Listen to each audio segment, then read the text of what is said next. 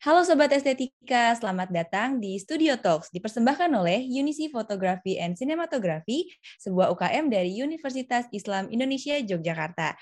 Di episode podcast kali ini, kita akan mendengarkan rangkuman talk show Unisi PC dengan tema menggali potensi diri untuk meningkatkan kepercayaan diri.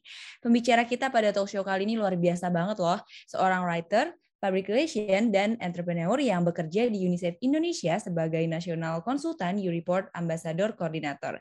Yuk langsung aja kita simak. Oke, Kak Prio ini enaknya dipanggil apa nih? Kak Prio, Mas Prio, atau Bang Prio enaknya? Prio aja nggak apa-apa ini. Oke, nya Kak Prio aja deh biar lebih sopan gitu ya. Oke, Kaprio, gimana nih kabarnya Kaprio? Mungkin boleh sedikit cerita saat ini kesibukannya apa sebagai pembukaan nih? Atau mungkin boleh cerita sekarang kerjanya lagi WFH atau WFO nih? Silakan Kaprio.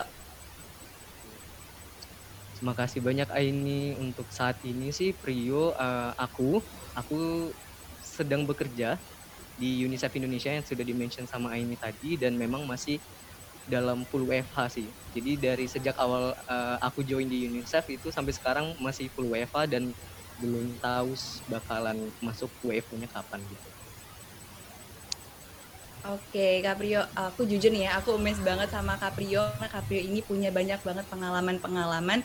Bahkan yang aku baca nih, Caprio dari kecil atau mungkin dari remaja udah banyak uh, udah menghasilkan beberapa karya berupa buku. Nah, mungkin aku langsung aja masuk ke pertanyaan yang pertama. Apa sih itu arti potensi menurut pandangan Caprio? Oke. Um, jadi mungkin aku bisa langsung jawab aja nih pertanyaan pertama dari Mbak ini tentang potensi. Jadi um, potensi diri ini bisa kita lihat atau bisa kita artikan itu mbak ini sebagai kemampuan diri. Jadi kemampuan diri yang di mana setiap individu itu kita punya sebenarnya. Yang terpendam dan bisa dikembangkan bisa dimaksimalkan ataupun yang belum di, belum bisa kita maksimalkan kayak gitu. Gitu nah jadi kalau aku boleh berbagi sedikit nih mungkin teman-teman juga bisa lihat sih beberapa artikel yang ditulis oleh teman-teman di UNICEF Indonesia di websitenya kita unicef.com nah di sana itu ada kerangka global. Sebenarnya kerangka kerja atau kerangka globalnya kita UNICEF ini sama dengan beberapa berbagai macam kerangka kerja dari um, beberapa sumber lainnya yang mengartikan apa sih sebenarnya potensi diri atau kemampuan diri kayak gitu. Nah kalau aku di sini karena aku dari UNICEF Indonesia, aku bakal pakai kerangka kerja globalnya UNICEF Indonesia ya teman-teman. Nah jadi kalau potensi diri atau kemampuan diri itu di UNICEF Indonesia kerangka kerja global itu kita mendefinisikan potensi diri itu ada empat. Nah di sini empatnya itu apa aja? Yang pertama ada yang namanya potensi diri atau keterampilan diri dasar, lalu ada keterampilan diri atau keterampilan yang dapat ditransfer, atau keterampilan yang dapat ditransfer ini sering banget kita kenal sekarang sebagai life century atau life skills 21st century kayak gitu. Lalu yang ketiga ada yang namanya keterampilan spesifik kepekerjaan. Dan yang keempat yang paling penting juga adalah keterampilan digital Nah, jadi uh, di keempat ini keterampilan ini adalah yang memang menjadi fokus utama dari UNICEF Indonesia sendiri dan ini yang perlu dikembangkan oleh anak-anak muda nih karena keterampilan ini sangat-sangat penting dan ini sebenarnya sudah tertanam di diri kita tapi memang belum uh, eh, 100% itu kita kembangkan kayak gitu. Jadi um, balik lagi kesimpulannya adalah potensi diri itu sama halnya dengan keterampilan dan kemampuan diri yang di mana sebenarnya sudah tertanam tertanam di diri kita tapi beberapanya masih belum dapat kita maksimalkan kayak gitu sih. Oke, Kaprio. Mungkin Kaprio uh, bisa sharing ke kita semua gimana sih proses mencari potensi diri tersebut sampai akhirnya benar-benar yakin, oh itu tuh potensi aku loh gitu, Kak. Hmm. Mungkin boleh diceritain prosesnya. Oke. Jadi um, kalau proses pribadi aku sendiri sebenarnya eh, orang-orang itu dan teman-teman yang lain pasti mengalami proses ini sih. Jadi berbeda-beda, caranya pun berbeda-beda. Tapi kalau dari perspektif aku dan pengalaman aku, itu mencari potensi diri sebenarnya tidak perlu dicari. Kalau menurutku ya, itu yang uh, keep in your mind kalau sebenarnya potensi diri atau kemampuan diri itu adalah perlu disadari. Jadi untuk disadari um, yang sudah aku bilang tadi, yang aku yakini kalau potensi diri atau keterampilan diri itu sebenarnya sudah ada di diri kita yang tapi memang belum kita sadari. Jadi penting banget untuk kita menyadari apa sih sebenarnya uh, keterampilan atau potensi diri yang aku punya nih. Gitu. Dan uh, untuk menyadarinya tentunya kita nggak harus melihat uh, atau menanya kanan kiri tanya teman sebenarnya aku uh, potensi dirinya apa ya? Karena sebenarnya yang perlu kalian tanyakan adalah diri kalian sendiri gitu teman-teman. Sebenarnya apa sih yang um, menjadi potensi dari ku yang paling kuat kayak gitu? Di sini aku mungkin boleh bisa kasih tips dan trik ya Mbak Aini. Jadi um, kalau aku dari pengalamanku sendiri untuk menemukan potensi diri itu melalui beberapa proses atau beberapa step. Yang pertama nih, teman-teman harus banget untuk bisa sit down and have personal time for yourself. Nah, sit down di sini maksudnya mengapain kak? Kita duduk aja, enggak. Kita bakalan untuk nge-list down, sit and list. Jadi di sini list down ya kita tulis apa sih sebenarnya hal-hal ataupun kegiatan yang kita suka lakukan dan tulis juga di sebelahnya apa sih kegiatan atau um, hobi yang paling kita nggak suka kayak gitu. Misalnya kita bisa lihat nih kalau wah kita punya kelebihan di yang kita suka ya dan aku punya kekurangan yang di beberapa kegiatan yang aku yang aku nggak suka. Lalu masuk ke tahap kedua atau step keduanya itu yang aku lakuin adalah mengidentifikasi nih apakah um, kelebihan atau kegiatan yang aku suka ini um, punya kesamaan dengan profesi yang ada kayak gitu. Yang ada e, maksudnya adalah profesi yang ada di dunia perka, dunia karir kayak gitu. Jadi aku akan mengidentifikasikan um, kalau semisalnya ini memang ada di profesi aku bakal mengembangkannya lebih baik lagi kayak gitu Oke, Caprio, apakah uh, di perkuliahan itu Caprio menemukan potensi baru atau justru Caprio uh, di perkuliahan itu menjadi tempat untuk mengembangkan potensi yang sudah ada? Oke. Di perkuliahan, di masa perkuliahan waktu itu aku menem uh, keduanya yang Mbak ini sebutkan tadi aku menemukannya kayak gitu. Aku mengalaminya, menemukan dan juga mengembangkan menemukan di sini salah satu contohnya uh, aku mungkin boleh sharing sedikit. Jadi di masa perkuliahan ini aku juga sambil bekerja teman-teman. Jadi aku langsung masuk ke dunia profesi pekerjaan kayak gitu. Yang di mana sebenarnya itu sangat jauh dari background perkuliahanku ataupun background pengalaman-pengalamanku sebelumnya kayak gitu. Nah, jadi profesi pekerjaan yang aku alami selama masa perkuliahan ini, aku pernah bekerja di salah satu book publishing. Nah, jadi uh, penerbitan buku kayak gitu, dan aku menjadi uh, seorang uh, publisher atau um, publisis kayak gitu.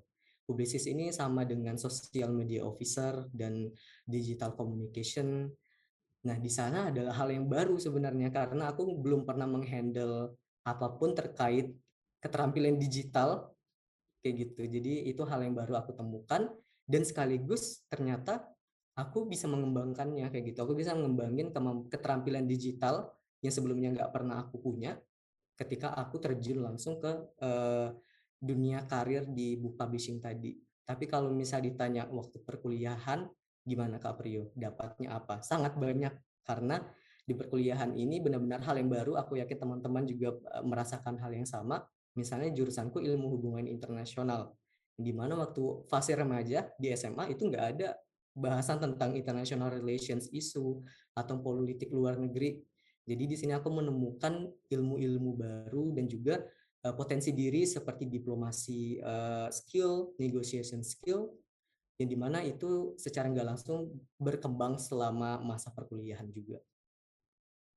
Oke, nah berarti ini teman-teman semua di sini harus semangat nih di perkuliahan ini nggak telat gitu. Kita masih bisa menggali potensi kita bahkan nemuin yang baru juga. Oke, Caprio, aku sempet kepo ini LinkedIn dari Caprio dan yeah. aku takjub nih karena selain banyak pengalaman yang udah Caprio lalui, yang menarik perhatianku itu adalah karya yang dihasilkan sewaktu masih belia gitu. Kalau nggak salah ada dua karya ya kak yang dipublikasikan di penulis cilik punya karya Nah, mungkin mau tanya aja nih yang pertama, judulnya itu apa aja sih Kak kalau masih inget gitu?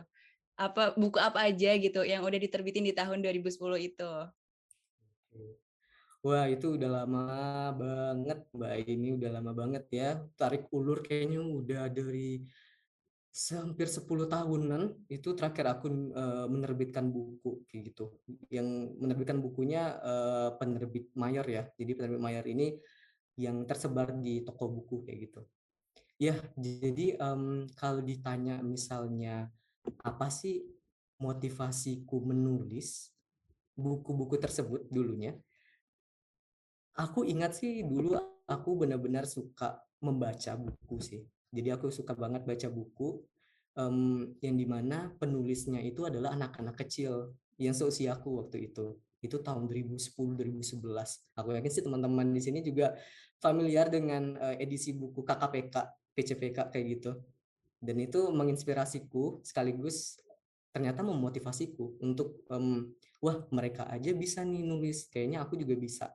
Nah, itu sih pemahamanku dulu ya, pemahamanku di usia tahun 2011 itu usia berapa ya? Sekarang aku 24 dulu lah pokoknya 10 tahun yang lalu.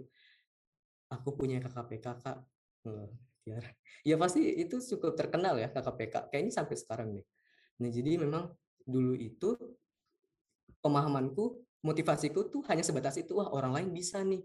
Kenapa aku nggak bisa ya? Eh, kenapa aku nggak bisa kayak mereka kayak gitu? Pasti aku juga bisa. Nah, jadi itu motivasiku yang kecil ya, waktu uh, versi kecilnya masa Prio dulu kayak gitu.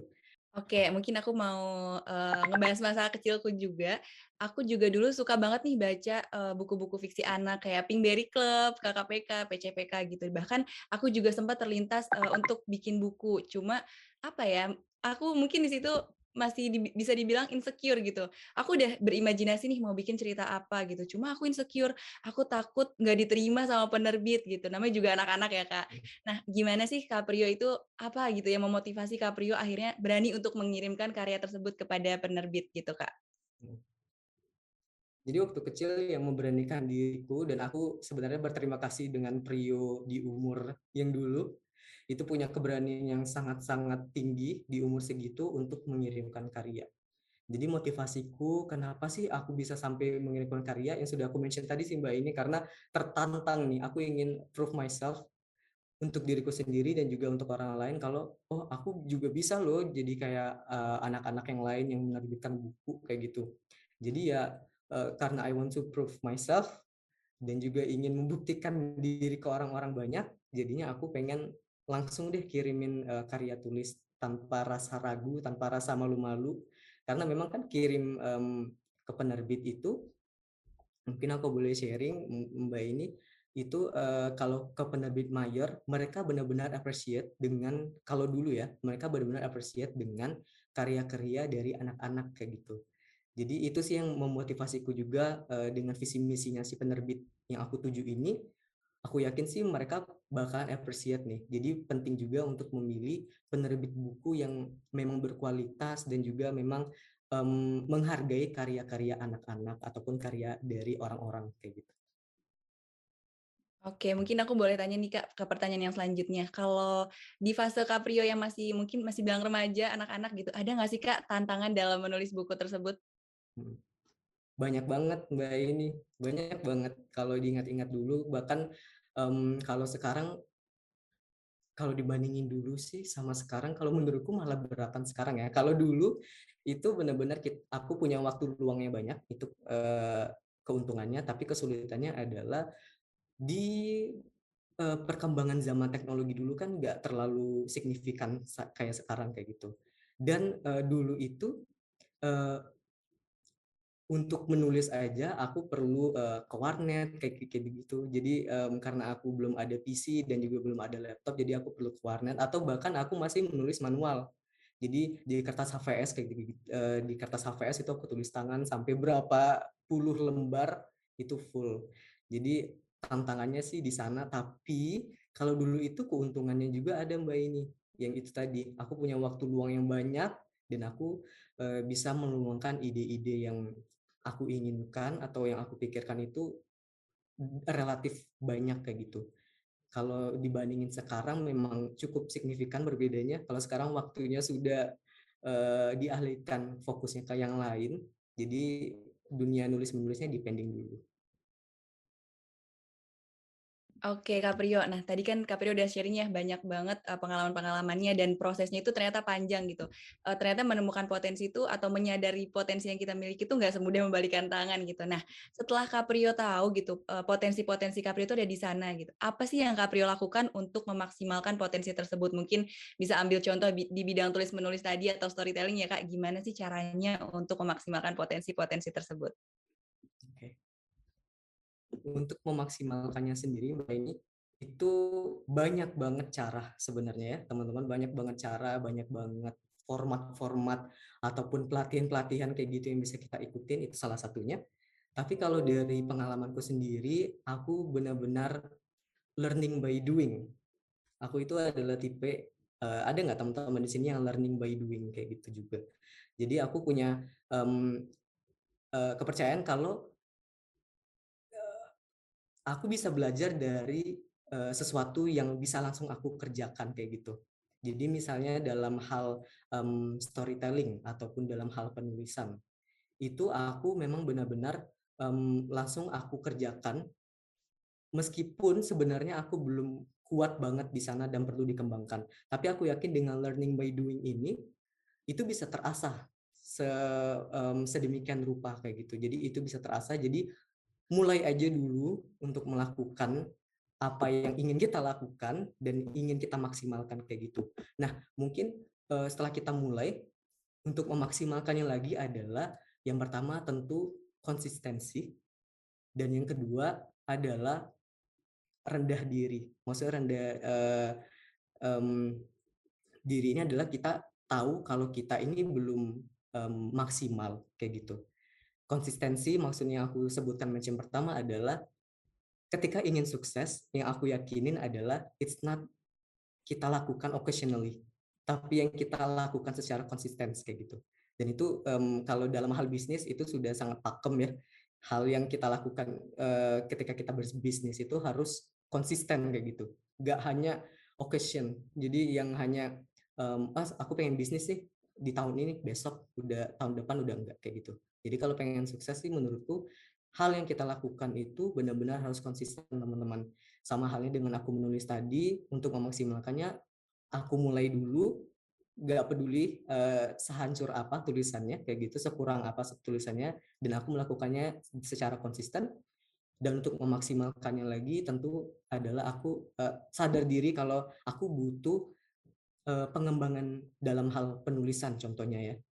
Nah, mulailah aku ikut pelatihan-pelatihan dan juga biar semakin tertantang aku juga langsung terjun ke dunia uh, kerja dalam hal menulis. Misalnya contohnya tadi aku kerja di uh, penerbitan buku sebagai uh, publisis dan di sana aku berkecimpung di dunia penulisan kayak gitu.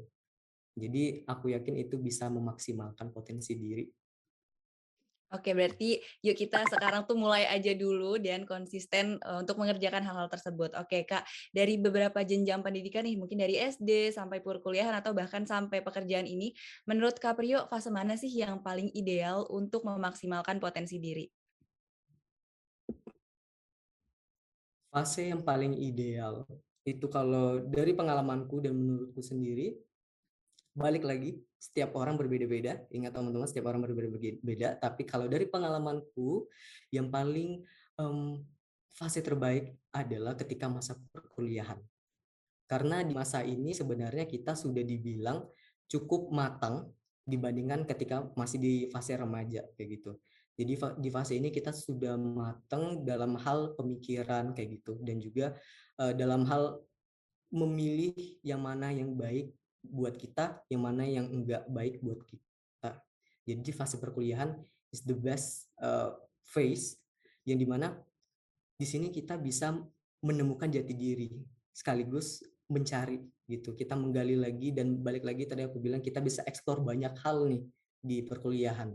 Apalagi teman-teman misalnya dia uh, yang kuliah di UIN dan juga merantau, aku pun juga merantau dulunya ke Yogyakarta dan di sana aku yakin teman-teman ditempa sedemikian rupa dengan keadaan, dengan hal-hal uh, berhubungan tentang life skills kayak gitu. Dan di perkuliahan ini memang adalah fase terbaik sih menurutku apalagi kita punya waktu yang bisa kita atur sendiri yang di mana tidak dikekang kalau waktu masa SMA, SD, SMP itu kan kita terkekang oleh beberapa hierarki atau birokrasi lah kayak gitu ya. Sedangkan kalau di perkuliahan ini kita bisa memilih jurusan kita sendiri mau apa, eh, kegiatan eksternal kampusnya mau apa, apakah kita mau berkarir langsung. Jadi banyak pilihan dan juga kita sudah cukup matang sih kalau menurutku untuk memilih yang mana yang baik dan yang mana enggak. Oke, wah mungkin di sini teman-teman harus tetap semangat nih gitu di fase perkuliahan ini buat cari potensi semisal yang belum menemukan atau bahkan yang udah menemukan potensinya bisa kembangin dengan baik lagi. Oke. Oke, terima kasih nih uh, Kak udah nyampein beberapa motivasi gitu atau beberapa cara gitu biar kita semangat untuk menggali potensi. Mungkin teman-teman juga boleh dicatat ya tadi yang udah Kak sampaikan. Oke, uh, teman-teman, ini acara kita belum selesai, tapi aku sama Kaprio udah selesai nih ngobrol-ngobrolnya. Jadi sekarang kita masuk ke sesi, uh, ke sesi tanya jawab atau Q&A. Jadi kalian boleh nih uh, sharing uh, bareng Kaprio. Mungkin nanti Kaprio juga boleh menjawab uh, menurut pengalaman Kaprio sendiri gitu. Mungkin teman-teman yang mau tanya bisa langsung uh, catat atau ngechat uh, di chat box dan bisa uh, langsung raise hand gitu. Oke, teman-teman, silahkan yang mau tanya boleh nih tanya apa aja gitu. Mau tanya tips-tips uh, kah atau mungkin mau cerita tentang kendala-kendalanya gitu. Mungkin nanti juga bisa sharing-sharing sama Kak Priyo. Silahkan teman-teman semua. Based on your experience nih di to be there at UNICEF ya, which one more important between educational background or experience background? Jadi mana sih menurut kamu yang lebih penting antara background edukasi, background edukasi kita sebagai mahasiswa, misalkan kamu dulu di apa UPN, di apa daripada pengalamanmu sebelum masuk di UNICEF. Which one? Thank you. Oke, okay, thank you Dim. Ini uh, langsung dijawab aja Mbak ini dari Dimas atau? Iya, boleh langsung dijawab aja Kak Priyo pertanyaan dari uh, Kak Dimas. Oke, okay. Thank you Dimas. Aduh, for information nih teman-teman, Dimas ini temanku dari SMP di Jambi. Sampai di Jogja, sampai sekarang ya Dim ya. Cukup lama. Jadi ya uh, langsung aja Dim ya tadi uh, yang mana yang penting nih? Educational background atau um, pengalaman ya, experience background. Yang mungkin kalau experience background ini lebih ke kalau pengalamanku karir background kayak gitu ya. Work life background keduanya sangat penting teman-teman kalau menurutku. Big education background dan juga uh, work life atau career background sih sangat penting. Jadi um, kalau education background ini itu um, tentu kita bakalan banyak dapat teori. Ya mostly ya kalau misalnya sarjana S1 itu bakalan banyak dapat teori. Sedangkan kalau untuk menyeimbangkannya nih aku butuh praktek makanya itu kemarin aku langsung uh, pilih ngambil pengalaman kerja. Jadi aku langsung punya uh, work background. Jadi kalau misalnya keduanya bisa teman-teman lakukan itu lebih baik tapi itu jadi pilihan sih gitu. Balik lagi ke teman-teman. Lebih prefer mau education background aja fokus atau mau juga work uh, life background kayak gitu. Dan kalau misalnya teman-teman pengen work life background aja tanpa education background itu juga sangat baik karena kita bisa lihat sih sekarang ya teman-teman banyak banget uh, misalnya orang-orang influencer ataupun uh, teman-teman atau orang-orang aktor-aktor um, besar di uh, di dunia kayak gitu. Mereka bahkan sebenarnya education backgroundnya nggak kayak gimana gimana tapi mereka punya work life ataupun experience background life-nya itu luar biasa kayak gitu. Jadi um, balik lagi sih dianya itu tentang pilihan dim yang mana yang kamu uh, pengen jalani education background kah atau work life background bahkan keduanya juga bisa itu lebih baik malah bisa seimbang kayak gitu. Tapi aku kasih gambaran aja tadi kalau beberapa uh, kalau misalnya nih ada teman kita yang wah kita nggak bisa dapatin background pendidikan karena masalah uh, financial atau apa. It's okay it's not the end of the world kayak gitu. Karena kamu bisa punya experience dan punya pengalaman background atau experience background yang bisa kamu kembangin atau bisa kamu dalamin kayak gitu? Halo Kak Rio. Kalian Kak, saya bangkit angkatan 2019. Saya ingin tanya Kak. Uh, dulu saya saat awal masuk kuliah dan milih jurusan yang saya tempati sekarang ini tuh saya nggak make keminatan saya Kak. dalam kata lain tuh jurusan yang saya pilih sekarang tuh berasal dari pilihan orang tua. Tapi itu bukan hal yang besar sih bagi saya sebenarnya karena saya dulu bingung mau masuk jurusan apa dan jadi akhirnya orang tua suges oh masuk sini aja gitu. Dan sekarang pun saya udah bisa enjoy dengan jurusan saya. Cuman ketika saya mikirin ke depan masa yang akan datang saya rasa saya nggak bisa zero planning kayak gitu lagi. Uh, and of course aku nggak bisa expect orang tua juga untuk ngedrive decision milik baiknya ini kan karena apa ya uh, mereka kan nggak tentunya yang tahu baiknya buat diri kita kan ya diri kita sendiri gitu. Jadi uh, aku udah lumayan research di dua opsi antara kerja atau lanjut belajar gitu dan bagi aku keduanya memiliki plus minusnya masing-masing yang kayak 50-50 banget bagi aku gitu. Kira-kira gimana sih Kak cara untuk bisa decision making yang tepat dan gimana caranya move on dari decision yang salah biar kita nggak terlalu regret gitu Kak. Terima kasih banyak uh, Bang Kit buat pertanyaannya luar biasa ya. Berarti uh, kalau boleh tahu jurusan ke kamu sekarang apa ya Bang Kit? Sorry. Uh, teknik sipil Pak. Teknik sipil ya. Oh iya ya. Kok aku lupa. Dimas kan teknik sipil. Eh Dimas. Jadi Dimas. Unisipisi itu sorry. Tekim, ini kalian. Oh ya Tekim. Ya. Jadi ini tuh um, Unisipisi itu seluruh uh, mahasiswa jurusan mana pun bisa masuk ya. Oh luar biasa Kupikir tadi satu jurusan aja yang bisa masuk Unisipisi, ternyata bisa semua ya. Oke, oke, oke. Wah keren sih uh, Unisipisi. Mungkin aku bisa langsung jawab aja uh, yang Bangkit tadi untuk decision making ya. Decision making itu sangat penting untuk ada sih dianya. Itu salah satu skill yang harus kita kembangkan atau keterampilan yang harus kita kembangkan. Karena tadi kalau kerangka kerja globalnya UNICEF kan ada empat skill ya. Dan si decision making ini masuk ke 21st um, century skills atau yang bisa disebut dengan skill um, yang dapat ditransfer dan skill yang um, life skill atau uh, sorry bahasa Inggrisnya um, skill kehidupan kayak gitu. Jadi decision making terus komunikasi itu adalah keterampilan 21 century life skill saat ini yang perlu ada. Makanya kalau teman-teman tahu sekarang di SD, SMP, SMA itu, mungkin for information aja, agak ke mana-mana, sorry, itu um, mereka sudah banyak pakai uh, sistem kurikulum ini. Jadi kalau di Kemendikbud itu ada 13 skill tentang life skill. Not about digital communication, not about coding, tapi ini lebih fokus tentang decision making. Nah, juga tentang bagaimana berempati, bagaimana berkomunikasi kayak gitu. Balik lagi tadi ke, decision making.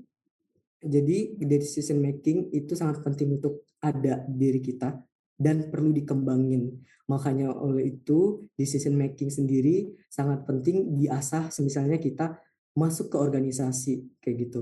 Itu bisa sangat terasah ketika kita masuk ke organisasi karena banyak program kerja yang ada. Tapi kalau untuk decision making diri sendiri balik lagi itu memang perlu dari diri kita sendiri dan memang ada saatnya keterlibatan eksternal sih bangkit kalau menurutku ya. Terutama orang tua. Karena balik lagi nih kalau stoikisme tadi ya aduh bahas stoikisme lagi berat banget. Kalau stoikisme tadi yang aku dalamin sekarang jadi um, kita nggak perlu terlalu acuh banget maksudnya nggak 100% kita nggak mau dengerin eksternal ataupun orang tua bahkan. Jadi um, kita kalau di stoikisme itu menganggap mereka itu penting kayak gitu loh. Walaupun um, terkadang um, yang pentingnya adalah positifnya ya. Kalau orang-orang stoikisme itu kita menganggapnya yang penting-pentingnya tapi negatifnya udah deh nggak usah kayak gitu. Jadi saran-saran positif itu perlu kamu tampung sih untuk menjadi uh, decision making kamu. Tapi balik lagi yang pertama harus dari diri kamu sendiri keinginannya apa. Tapi setelah itu boleh banget kamu untuk tampung hal-hal positif ya hal-hal positif. Karena kalau negatif itu berujung nanti ke kesehatan mental. Jadi um, kamu coba untuk um, tampung pendapat positifnya orang-orang kamu kayaknya cocoknya di sini dan yang lebih baiknya di sini karena kamu punya kemampuan kayak gini. Bukan komentar negatif misalnya ah kamu tuh nggak bisa ini kayak gitu kayak gitu. Kamu tuh nggak bisa ini udah jangan di situ. Itu malah nanti ke kesehatan mental sih menurutku. Jadi lebih baik kamu seleksi lagi komentar-komentar atau saran positif aja kayak gitu yang kamu jadikan pertimbangan untuk decision making. Dan memang keterlibatan orang tua sangat penting ya teman-teman. Kalau aku sebagai uh, yang mempelajari stokisme kenapa sangat penting pendapat orang tua ataupun keterlibatan orang tua dalam decision making karena balik lagi, kalau kita masih ada di fase support finansialnya dari orang tua, kita harus hargain itu sih, uh, Bangkit. Kita harus hargain itu, tapi kita harus berani untuk speak up apa yang kita inginkan ke orang tua kita. Nah, aku yakin orang tua itu pasti bisa memahami sih. Aku yakin mereka bisa memahami dan mereka bisa memberikan hal atau saran positif. Tapi kalau misalnya kamu bisa support finansialmu sendiri without uh, any support finance from your parents, itu kamu bisa bisa mengolah decision making tanpa harus uh, ada keputusan atau keterlibatan orang tua gitu loh. Karena kan sekarang balik lagi semuanya butuh support financial apa pun bahkan pendidikan gitu ya. Jadi ya um, kalau kamu bisa support finansialmu sendiri untuk sebuah pendidikan untuk uh, masuk ke penjuruan tinggi kayak gitu kamu bisa decision making diri kamu sendiri ya karena kamu yang mengolah finansialmu gitu kamu yang menentukan. Gitu sih uh, bangkit semoga bisa menjawab ya tapi balik lagi I'm not the uh, psikolog background psikolog. Aku backgroundnya memang cukup berbeda tapi semoga bisa um, membuka sedikit uh, mindset dari bangkit ya. Iya, yeah, thank you pak. Oke, Terima kasih ya kepada Caprio udah jawab nih pertanyaan-pertanyaan dari teman-teman semua. Ini banyak banget yang tanya, tapi uh, karena waktunya sudah habis, jadi nggak cukup untuk uh, dibacakan semua. Mungkin teman-teman yang mau diskusi sama Caprio boleh ya tadi uh, ke Instagramnya Caprio atau ke emailnya Caprio. Oke teman-teman, mungkin pertanyaan dari Kak Bangkit tadi adalah pertanyaan terakhir sekaligus penutup dari sesi talk show ini. Sebelumnya saya ucapkan terima kasih banyak kepada Caprio sudah menyempatkan waktunya untuk sharing sama kita hari ini. Semoga teman-teman di sini semua bisa mengambil manfaat dan tentunya bisa menemukan, menggali atau mengembangkan potensi yang dimilikinya.